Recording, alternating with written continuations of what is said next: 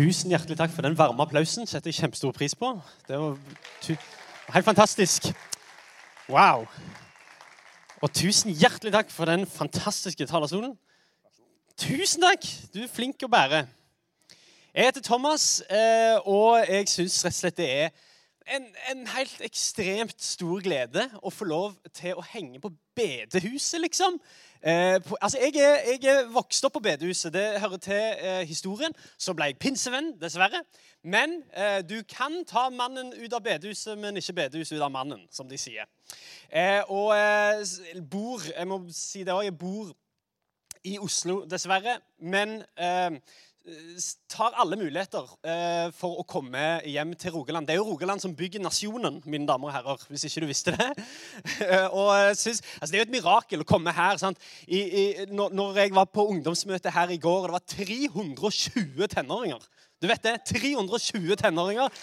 Det er et vitnesbyrd, bare det og en glede og noe å takke Gud for. Det er helt fantastisk å, å, å komme tilbake til sånne vestlige tilstander. Eh, det er jo helt hedensk og håpløst på Østlandet. Men det er nå derfor jeg bor der. Eh, prøver å gjøre noe med det. Men veldig veldig kjekt å, å, få, lov være, få lov til å være her. Jeg er fra en menighet i Sandnes som, som heter Sentrumskirken. Kanskje noen kjenner til den.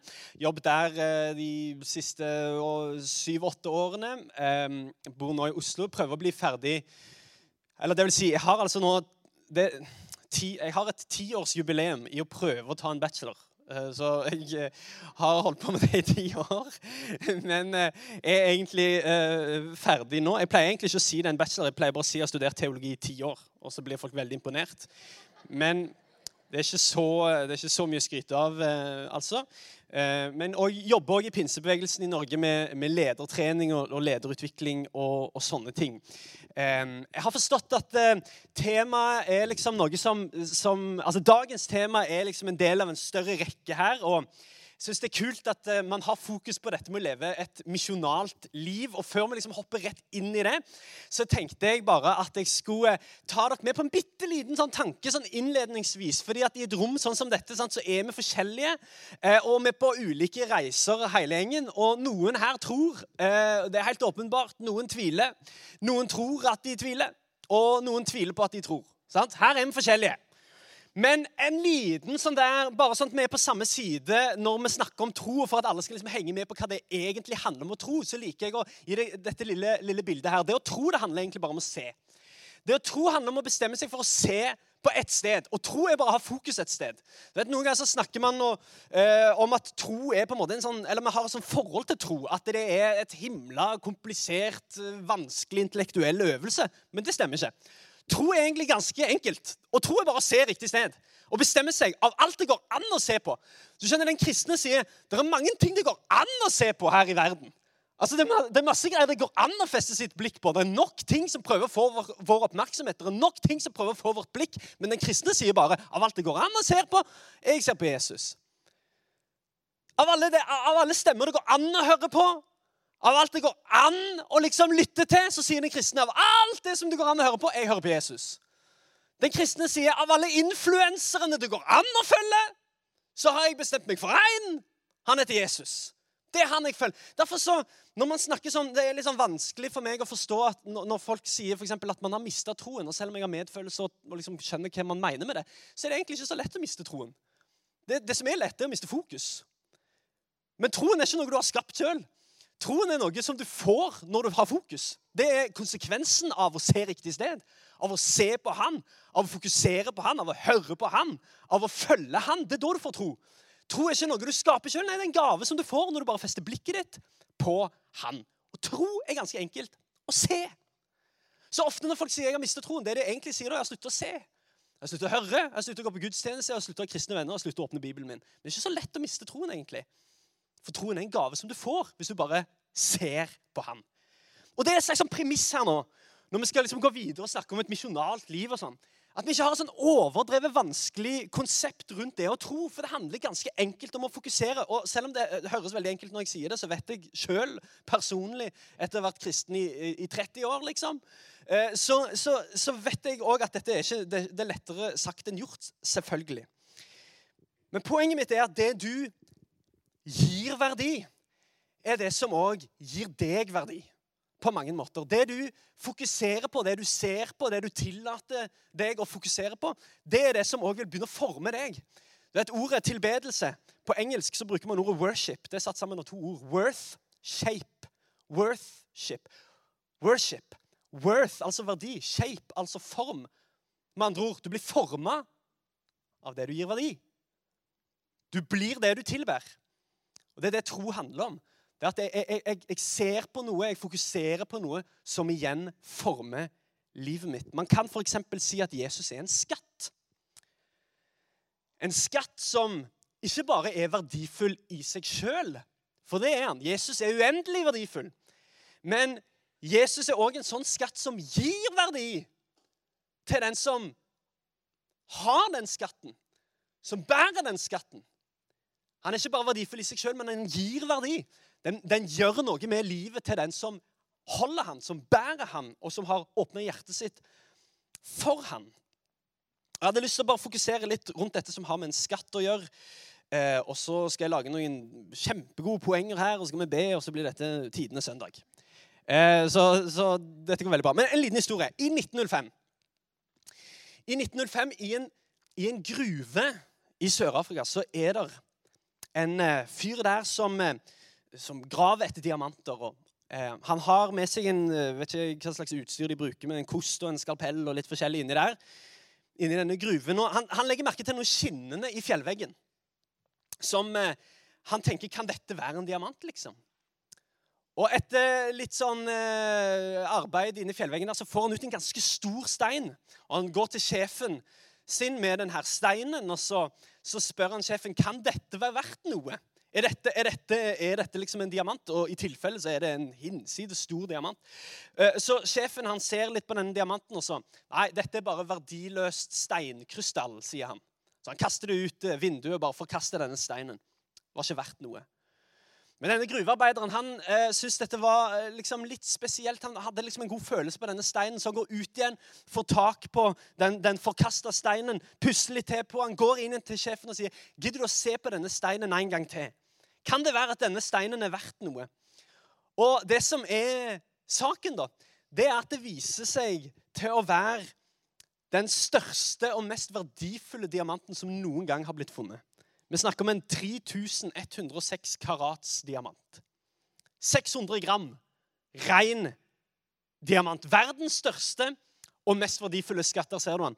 Det er, denne steinen som blir brukt hvis du tar neste slide her, så er det den steinen som blir brukt i septere og i kroner og sånn til, til kongehuset i England. Den blir fortsatt brukt.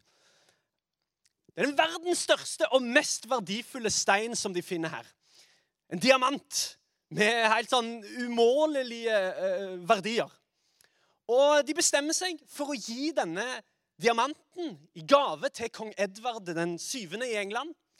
Og For å få altså verdens største og mest verdifulle skatt fra Sør-Afrika hele veien opp til England i 1905 eh, Det krever ganske mye. Og det de finner ut av da, er at eh, her må vi legge en himla god plan. For ryktet har allerede spredt seg. og eh, De ørene som ikke burde høre om sånne type verdier, de har allerede fått nuss i at det fins en skatt som skal fraktes fra Sør-Afrika til England. Så det de bestemmer seg for. Dette her er helt vilt. Det de bestemmer seg for, det er at de, de lager eh, en, en, en falsk opptreden for å føre denne diamanten fra Sør-Afrika til England. Det De gjør det er at de, de eh, har et, et, gigantisk, svært kongelig skip på dette skipet så er det massevis av soldater. Eh, og på dette skipet så er det en safe. Og i den safen så legger de absolutt ingenting. Men eh, de skal få det til å se ut som om de frakter noe veldig verdifullt. Og sammen med dette skipet så er det mange andre skip som reiser sammen fra Sør-Afrika til England. Det de gjør med den ekte diamanten, og dette er gøy Det de gjør med den ekte diamanten, det er at de legger det oppi en tom kjeksboks. Og den kjeksboksen pakker de inn og sender med helt vanlig frankert post til, til kongehuset. Diamanten kommer fram. Det er ingen som lurer på det. Eh, om, om, diamanten kan ligge i denne kjeksboksen. Så den kommer fram. Men skipet det blir liksom eh, plyndra av pirater og det ene og det andre. Masse folk som prøver å få tak på denne safen. Der ligger det absolutt ingenting. Men jeg liker denne tanken. Hvis du lurer på uh, hvor jeg fikk tak på denne historien, så er det dette det sto bakpå den forsvunne diamant. Altså, det, det, står bakpå der. Så Så det er ikke noe sånn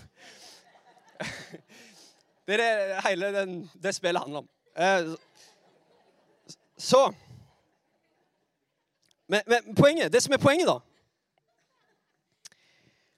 Det er at jeg, jeg liker liksom tanken om at en tom kjeksboks er det beste middelet, det, den, det mest effektive middelet å frakte verdens største og mest verdifulle skatt. En tom kjeksboks. Bibelen omtaler Jesus som en som en skatt. Og Paulus, han som, var, han som reiste liksom fra menighet til menighet og planta nye meter og, og, og, reiste opp nye ledere, han, han hadde en som han så, eh, så, til, som heter Timoteus. Han var bare en tenåring når han fikk ansvar om å, om å plante menigheter og stå i, stå i, lederskap. Og En av de tingene som Paulus sier til Timoteus, jeg tror den neste slide her, det er at eh, han oppmuntrer han til å ta vare på den vakre skatten som er betrodd ham ved Den hellige ånd som bor i oss. Ta vare, sier han. Ta vare på den, på den vakre skatten som er betrodd. Legg merke til at det står 'betrodd', ikke bare 'gitt'. For du skjønner, Dette er et slags sånn premiss her. Eh, og det er det at eh, Vi har ikke bare blitt gitt troen. Vi har ikke bare blitt gitt Jesus Kristus. Vi har ikke blitt, bare blitt gitt evangeliet. Vi har ikke bare blitt gitt de gode nyhetene. Vi har blitt betrodde. Og i dette ordet 'betrodd' så ligger det òg implisitt et ansvar for forvaltning. Paulus han sier til Timoteus du må ta vare på det som har blitt betrodd deg. Altså, Det er ikke bare noe som du har blitt gitt deg, som du skal beskytte. Det er noe som, som har blitt gitt deg for at du skal forvalte det, for at du skal gjøre noe med det. Det er et poeng med at du har fått det du har fått. Du har blitt betrodd en skatt. Jeg liker ideen som sagt, om at verdens mest verdifulle skatt, som noen gang har blitt frakta i verdenshistorien, ble lagt i en tom kjeksboks. Og det minner oss jo om for de som, har, som er nerds og har lest Bibelen sin, så minner jo dette om andre korinterbrev. Kapittel 4, vers 7, der Paulus sier det på denne måten. Vi har fått denne skatten i leirkrukker. For at den veldige kraften skal være fra Gud og ikke fra oss sjøl. Her snakker han her snakker han om Jesus og om evangeliet om Jesus. sier han, Tenk, vi har fått denne skatten. Gud har lagt denne skatten ikke i store og mektige konger og profeter. Han har lagt det i tomme leirkrukker, tomme kjeksbokser, som er meg og deg. Og Han bruker dette bildet liksom en tom, tom leirkrukke som egentlig En, leirkrukke er jo ikke verdt noe, den. det er jo bare en krukke av, av, leire. Det er ikke noe spesielt med den leirkrukka, men likevel så er det det Gud har utvalgt for å frakte verdens største og mest verdifulle skatt til verden. Jesus Kristus, som alle sammen er blitt betrodd oss, meg og deg, tomme leirkrukker. Du vet, Hvis du nå etter gudstjenesten tenker vi kjører pizza til middag i dag, og du bestiller en hel eh, liksom, gjeng med pizzaer fra pizzabakeren, og så dinger det på døra, der kommer pizzabudet, og så holder han pizzaen uten pizzaeske rett i hånda sånn. Se for deg det skjedde nå. Ding dong! Hei, var det du som hadde bestilt pizza? Osten renner ned albuen sånn. Så, så, er ikke du sånn som sier 'ja, tusen takk'. Altså, Da sier du 'ja, men hva søren', hadde du sagt da. Hva, hva er greia di, liksom? Hvor er eska? Men det som er interessant, er at eska er jo ikke, noe, eska er jo ikke noe verdifull. Eska bærer jo absolutt ingen verdi, men samtidig så bærer han uendelig verdi. Skjønner du? Det, det, det, det første, eneste, bokstavelig talt, det eneste du skal gjøre med den eska, er å kaste den. Så ikke gjør noe annet med den. Den har ingen verdi overhodet, men samtidig så har han all verdi. Han er helt, han er helt nødvendig. Og så er det ikke sånn at eska er det som gir verdi til innholdet. Nei, det er innholdet som gir verdi til eska. Jeg vet ikke om du skjønner hva slags lignelse jeg prøver meg på her. men, men forstår du og, og, du og, det som er gøy, da Du har ikke så himla mange krav til den eska. Så lenge den er tom og rein, så er det greit for meg. Og sånn er det òg. Jesus. Og sånn er det òg Guds strategi er med å frakte evangeliet til verden. Det at han lurer på, Fins det noen kjeksbokser her? Fins det noen tomme esker? Det er ikke så himla mange krav. Så lenge du er ren og tom, så er det greit for meg. Fins det noen som er villige til å være en eske for å frakte verdens største og mest verdifulle skatt til resten av verden? Paulus han fortsetter i 2. Eh, Korinterbrev 4, vers 3, og han sier det ganske brutalt. Ja, er vårt evangelium skjult? Hvis det er det vi holder på med, å skjule det vi har fått, ja, så er det skjult for de som går fortapt.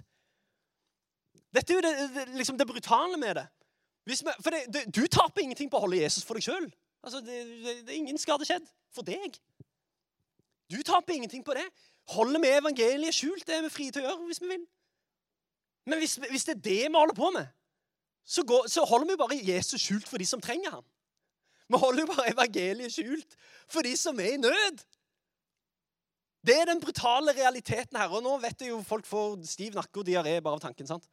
Og så oh, hjelp, nå skal Dette er sånn voldsomt budskap som handler om å liksom, nå skal jeg være noen jeg ikke er, og dele ut traktater og knekke dører og sånn. Altså, men, men vi, må, vi må snakke om dette. For det kan være at dette bygger på en bitte liten misforståelse. Og den misforståelsen kan handle om f.eks. at man tror at eh, troen er en privatsak. Jeg blander meg ikke så mye inn i alle andre. Jeg lever mitt liv, du lever ditt, liksom. Troen er en privatsak. Kanskje så bærer vi med oss denne misforståelsen at folk er jo egentlig ikke interessert. sant? Folk er jo egentlig, bryr seg jo egentlig ikke. Folk lever sine liv og har det greit. Eller så er det kanskje denne misforståelsen her at, jeg, at hvis, jeg, hvis, jeg, faktisk begynner å dele troen min, så, så blir jeg veldig fort kansellert.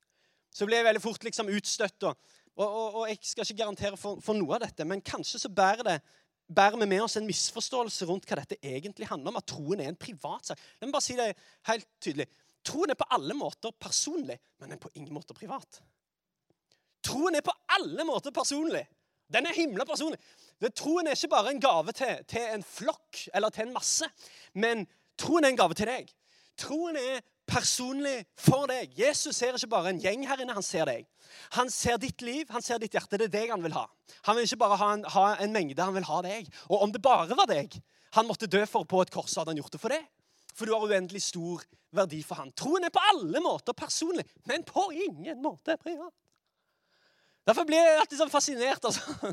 politikere sånn, som liksom blir liksom grilla på at ja, men du er jo kristen. og sånn, Vil ikke dette få himla stor, politikk, eh, nei, himla stor eh, påvirkning på din politikk? Så Av og til så hører man liksom sånne kristne folk si sånn Nei, egentlig ikke. Det er en sånn privatsak for meg. Jeg har ikke noe påvirkning på min politikk. Da tenker jeg ja vel? Ja, Hva var poenget da? Hvorfor i all verden har du en tro, da? Hvis det ikke skulle påvirke hvordan du ser på livet og verden og politikken og deg sjøl og andre? Who cares? Hvis ikke troen din er verdt å dele, så er den ikke verdt å ha heller. Så enkelt er det. Hvis man ikke, tro, hvis, hvis man ikke tror at troen vår er gode nyheter for andre, så kan det umulig være gode nyheter for meg. Hvis den ikke er verdt å dele, så er den vel heller ikke verdt å ha. Det er litt som en høne som ikke legger egg. Fortsatt en høne. Men det er en litt rar høne.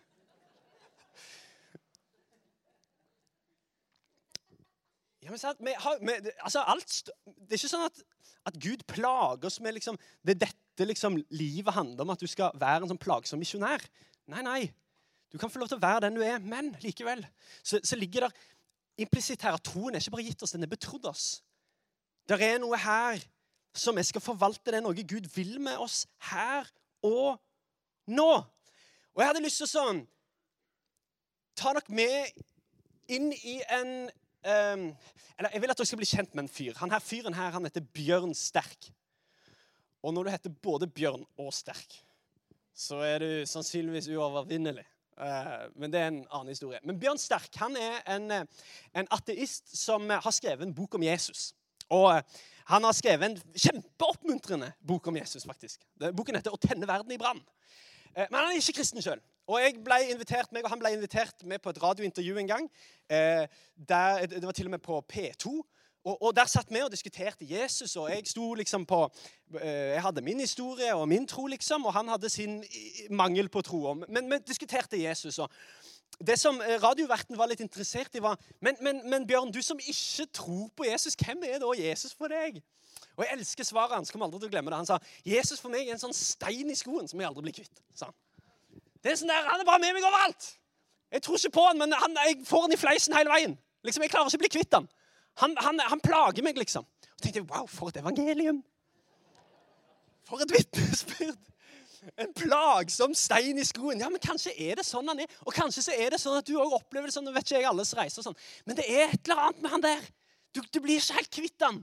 Det er noe med Jesus som liksom ligger og gnager på deg gjennom livet. Men vet du hva? Det kalles Den hellige ånd. Den hellige ånd han er på jakt etter alle mennesker, og han plager oss med godhet. Og eh, Bjørn Sterk han har fullstendig revolusjonert måten jeg ser på det å være eh, eh, en misjonær på. Det å være en, eh, en som evangeliserer. Jeg hadde lyst til å ta deg med inn i et sitat fra boken hans eh, som handler om nettopp dette. For den fullstendig ødelegger det, denne myten om at troen er en privatsak, eller at ingen mennesker er interessert, eller at folk kommer til å kansellere meg hvis jeg deler min tro.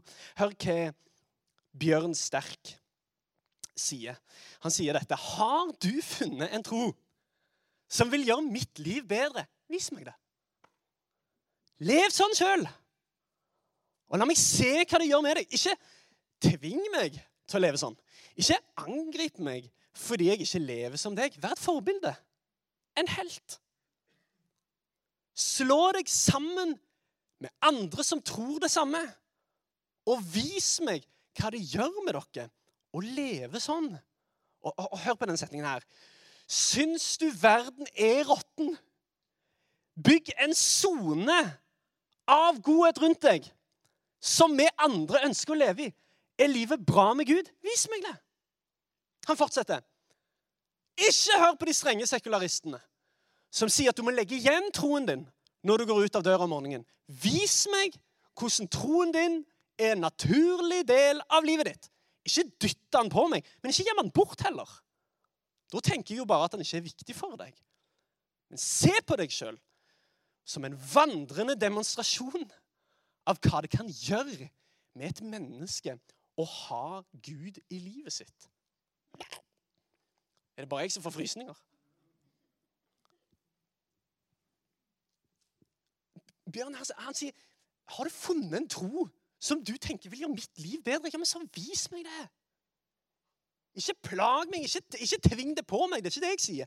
Ikke, ikke skriv med blokkbokstaver i alle verdens kommentarfelt. Ikke, liksom, ikke vær sånn. Men vis meg det! Vis meg! Slå deg sammen med andre. Bygg en sone av godhet. Jeg elsker denne, dette bildet her. Syns du verden er råtten? Og det, Du skal, trenger ikke være kristen for å synes verden er råtten. Altså, de fleste gjør jo det. Men hvis det er det du òg tenker, da, at verden, uff, verden, så ikke stå der som en svovelpredikant og Bygg en sone av godhet! Som, sånn andre tenker Så lenge jeg kan være rundt han eller hun, så er det godt nok. liksom Bygg en sone av godhet som andre ønsker å være i. Slå deg sammen med andre. Vær en vandrende demonstrasjon av hva det vil si å ha Gud i Vet ikke, Jeg blir jo lei meg. Jeg kan bli liksom oppriktig lei meg av å lese i kristne aviser. og sånn. Det er jo de verste. Eh, det å, å, å, få oss til å tenke at nå går alt uh, til hundene, liksom. Og, og, jeg kan bli lei meg av på en måte sånn eh, strømninger innenfor kristendom som liksom prøver Nå skal vi prøve å omdefinere. Nå, etter 2000 år, så har vi endelig skjønt hva Jesus har sagt. Altså det, sånn blir jeg stressa av. Det kan, det kan, jo være at det har vært noen smarte teologer opp igjennom som har noen tanker om hva det egentlig står her. Men OK. Så skal vi liksom omdefinere, omstrukturere og dekonstruere. Og troen han er egentlig om dette, og Jesus mente egentlig det her. Og så er det bare for å få møte et eller annet følt behov. Men la meg si deg en ting. Norge trenger ikke en ny definisjon av kristendom. Norge trenger en ny demonstrasjon av kristendom. Kristne som reiser seg, som bygger en sone av godhet rundt livet sitt. Kristne som tenker at vet du hva, jeg skal, jeg skal møte mennesker, og jeg skal leve med nåde utenpå kroppen min. Og jeg skal leve med kjærlighet i blikket mitt. Jeg skal leve med sannhet i hodet mitt. Jeg skal leve med godhet i hendene mine. Og jeg skal møte, jeg skal spre godhet som konfetti. Og jeg skal plage verden med godhet. For det er det som er Guds strategi. Du vet at Det står at han, han, hans godhet driver oss til omvendelse. Det er, ikke, det, er hans, det er, ikke, sånn at han plager oss med dårlig samvittighet. Sånn at vi omvender oss. Nei, han, han plages med godhet, han. Til vi vender oss om til han. Det er vår strategi. Vår strategi som, som kristne handler ikke om å frelse mennesker. Det er ingen av oss som kan det. Det er kun Gud som kan frelse. Vår oppgave er ikke å frelse mennesker. Vår oppgave er å elske mennesker. Vår oppgave er å elske mennesker med den kjærligheten som vi sjøl har blitt gitt. Den kjærligheten som vi sjøl har blitt betrodd. Skal vi elske mennesker tilbake igjen til Gud? Det er vår oppgave. Det er Den hellige ånd. Visste du, det står i Bibelen, at Den hellige ånd er den som overbeviser om synd. Du kan slappe helt av med det. Du trenger ikke overbevise andre om deres synd. Du, du er ikke åndelig intelligent av at du klarer å gjenkjenne andres synd. Hvem som helst klarer det. Det, det, men, men det, det fins en åndelig sunnhet i å si at jeg er like mye synder som alle andre. Jeg er ikke kristen fordi jeg er bedre enn alle andre. Jeg er, like, jeg er kristen fordi jeg har innsett at jeg er akkurat lik alle andre. Og jeg har tatt imot Jesus sin nåde og godhet og kjærlighet i mitt liv. Og nå handler mitt liv om å spre den godheten, spre den kjærligheten. Vær den sonen av godhet. Vær en vandrende demonstrasjon. Et bevis på hva det vil si å ha Gud i livet sitt. Wow, dette var bra! Det var verdt bompengene, bare dette, tenker jeg.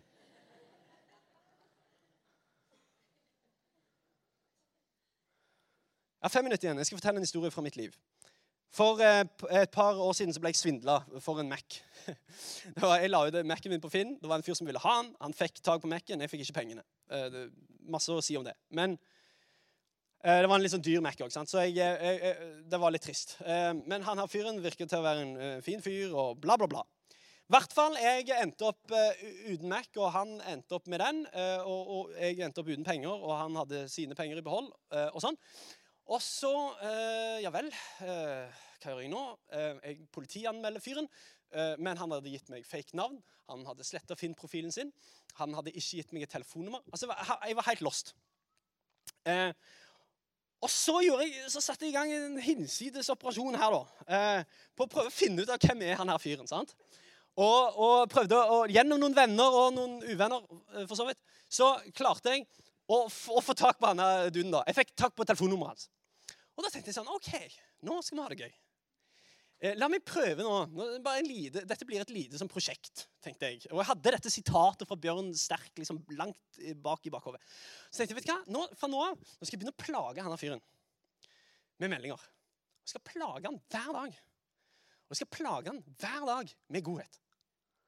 Så jeg skrev meldinger til han her, da, så skrev jeg sånn Hei, hei. Du har stjålet Mac-en min. Men eh, du, vi, vi, kan finne ut av dette, liksom. Kanskje jeg kan få den tilbake igjen. Du kan sove på det. Vi ses. liksom. Og Han svarte meg jo ikke i begynnelsen. og Etter hvert så begynte han å svare meg, sant? og da var han prøvde han å nekte for at Hei, du har feil nummer. og jeg vet ikke hva du snakker om Og sånn. Og så Hver dag da, så skrev vi nye meldinger. Hei, hei, fint hver dag! God dag for å overgi seg! Og, å, å gjøre for seg, liksom. Men eh, ikke noe stress. Jeg har ikke dårlig tid, eller noe sånt. men... Eh, Uansett, ha en fin dag. Sant? Sånn holdt de på, da. Og etter hvert så snakket de ikke om Mac-en i hele tatt. De bare sendte sånne oppmuntrende, hyggelige meldinger.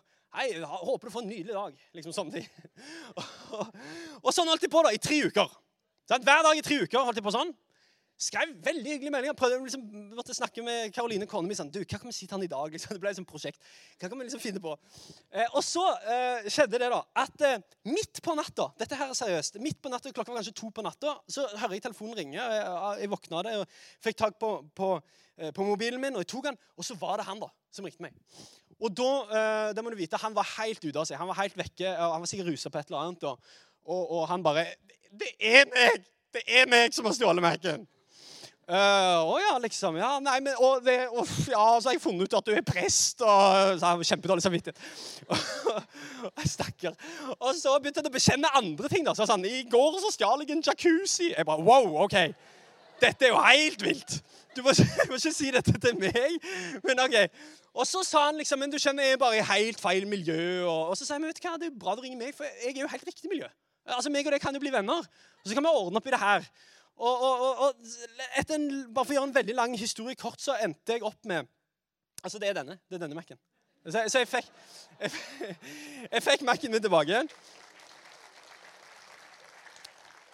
Og politiet sant, de, jo, de, begynte jo å lure på om jeg kanskje var eh, kriminell. Sant? For de ble jo helt sånn hvem er du? liksom? Så, for han, De visste hvem han var, da, og, og de sett at han har liksom, lurt masse mennesker. Men jeg var den eneste som hadde fått liksom, ting tilbake. Altså, hvem er du? Hva er din strategi? Og så sa jeg vet hva, jeg bare prøver å bygge en sone av godhet jeg, rundt livet mitt. Jeg prøver bare å være en vandrende demonstrasjon av hva det vil si å bli påvirka av himmelen. liksom. Og vet du hva, det, det, ble liksom mitt prosjekt. og Jeg sa dette til, til en venn av meg som sa men vet du hva, vi kan ikke stoppe her. Vi kjøper en bibel til han til jul. Sant? Dette var rett før jul. Så vi kjøpte en fin bibel eh, til han, skrev et fint kort, la det i postkassen hans etter jeg hadde fått Mac-en min tilbake. Og sånn. Eh, og, og, da fikk jeg en, en melding eh, av, av, min venn her som jeg tenkte at jeg bare ville lese til deg. Da han skriver det på denne måten. Hei! Fikk noen tårer da jeg fikk gaven din oppi alt kaoset jeg sjøl ble utsatt for. Og det hjalp meg med å se at det finnes gode mennesker der ute. Har vært mye harde dager og tider hvor jeg var klar til å gi opp. og jeg har hatt innbrudd hvor alt jeg eide, ble frastående i natt. Så den gaven du ga, var ekstremt koselig. Og jeg ser opp til mennesker som deg. Ønsker deg alt bra og beklager mine handlinger. Jeg har søkt hjelp nå. Så håper jeg kan finne den gamle meg igjen. Takk for at du viste meg. Det er fremdeles gode mennesker der ute som unner andre godt. Det er det lenge siden jeg har sett.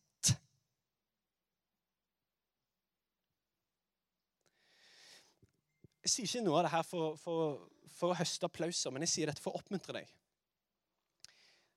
til, at, til å bare være en tom kjeksboks. Oppmuntre deg fordi at når Jesus, når Jesus, snakker om å vende det andre kinnet til, når han snakker om å gå den eks... Altså, dette er ikke teorier. Dette er ikke bilder på noe annet. Det er ikke metaforer. Det, det, det, det er praksiser. Når Jesus sier 'vær, lev hellig', fordi deres far er hellig. Det Ordet hellig, hva betyr det? Det er ikke sånn moral, altså, Du må ikke forstå hellighet som bare moral. Fordi Da gir det ingen mening at i Gamle testamentet så snakker de om hellige skeier og skåler. og sånn. Altså, det, det, er jo ikke at skålen er himmelmoralsk. Det at noe er hellig, betyr bare at det er satt til side. Det betyr bare at det er annerledes. Det er derfor Gud er hellig, for det er ingen som han. Han er helt annerledes. Ingen skal måle seg. Han ligner ikke på noen andre. Og når Jesus sier 'vær hellig, for deres far er hellig', så sier han egentlig 'vær annerledes'. Ikke spill med de samme kortene. Ikke bare ikke øye for øye, tann for tann. Ikke hold på sånn. Vær annerledes.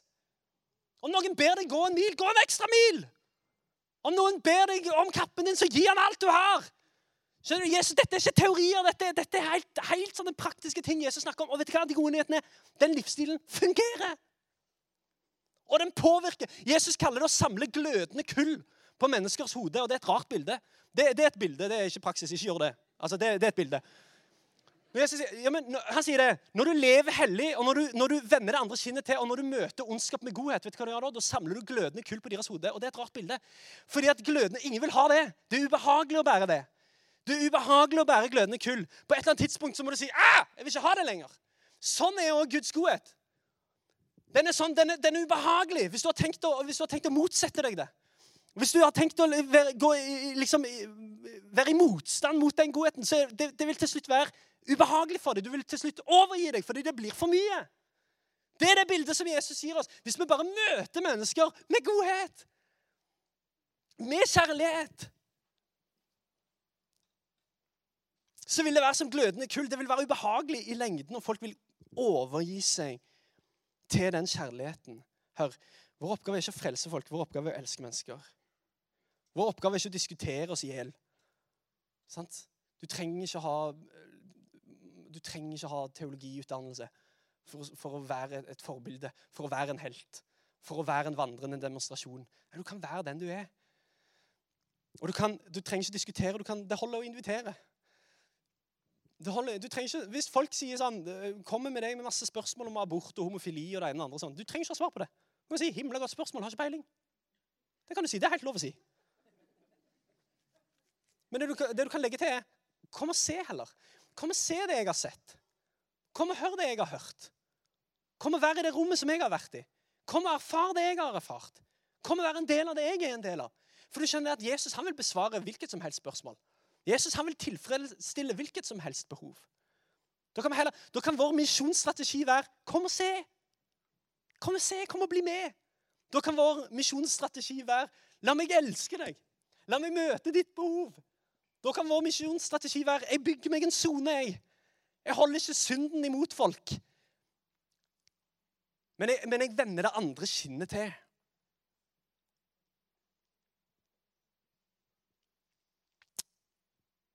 Så er jeg en vandrende demonstrasjon på hva det vil si å ha Gud i livet sitt. Jeg skal avslutte. Bandet kan bare gjøre seg klar. Det har de begynt å gjøre. Vi skal synge sammen til slutt. Eh, men jeg har lyst til å be som en avslutning her. La meg legge til dette. For deg som ikke vet helt hvor du er på denne reisen, om du tror eller tviler, eller litt av begge deler, eller du tror kanskje litt, men ikke så mye. På samme måte som vi skal være synlige for at andre skal se Jesus, så var Jesus synlig for at vi skulle se Gud. Kolosserne sier at han er det synlige bildet på en usynlig Gud. Jesus han kom for å knuse alle fordommer som fantes om sin far i himmelen, og bevise en gang for alle himmelens motivasjon. Du skjønner det? Johannes 3, 16, når det står 'for så høyt og Gud elsket verden'. Du må forstå at det var Guds motivasjon. Det var kjærlighet. Det står ikke 'for så sint var Gud på verden'. Så irritert var Gud på verden. Så misfornøyd var Gud på verden at han sendte Jesus for å ordne opp. Nei, så at han elsket verden så mye. Det var, det var kjærlighet som var hans motivasjon. Til å sende Jesus Kristus på å være det synlige bildet på en usynlig Gud. Nøkkelen her er Jesus. Til deg som, som ikke helt vet hvor du står. Studer Jesus. Studer Jesus. Studer oppstandelsen.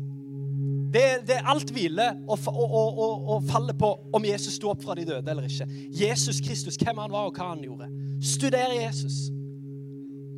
Og et like viktig premiss, for du blir ikke kristen av å åpne Bibelen din. Du blir kristen av å åpne hjertet ditt. Studer Jesus med et åpent hjerte, et ydmykt hjerte. Så vil du òg se at Jesus er det synlige bildet på den usynlige Gud. Lenge før du tenker at jeg skal være synlig med troen, må du sørge for at Jesus har blitt ekte og personlig i livet ditt. Jesus, jeg vil bare takke deg for at du er her med din ånd. Herre, jeg vil bare takke deg for at eh, du ikke er langt unna, men du er alltid nær. Du er alltid trofast. Du er alltid den samme. Takk, Jesus, for at du har elsket oss med en uendelig kjærlighet. Takk, Jesus, for at du har vist oss nåde. Det var du som bygde en sone av godhet rundt livet ditt, som vi andre kunne finne liv i. Det var du som var en levende demonstrasjon av hva det vil si å ha Gud i livet sitt. Herre, hjelp oss til ikke bare være mottakere, men hjelp oss til å være forvaltere. Hjelp oss til å se, Herre, hva slags mennesker som du har betrodd oss, som vi kan elske, som vi kan forkynne til med våre liv og med våre ord. Mennesker som vi kan legge på våre bønnelister. Hjelp oss til å se, Herre, hvordan vi kan demonstrere din kjærlighet og godhet. I Jesu navn. Vi synger sammen, og hvis du har lyst til å gå til forbønn, så er det mulighet for det. Bak på min høyre der så er det noen som har lyst til å be sammen med deg og for deg. Det kan handle om alt mulig relevant til dette eller noe helt annet. Men det er fantastisk at noen er klar til å legge hendene på deg, be en enkel bønn for deg og velsigne deg for den tiden som ligger foran. La oss synge.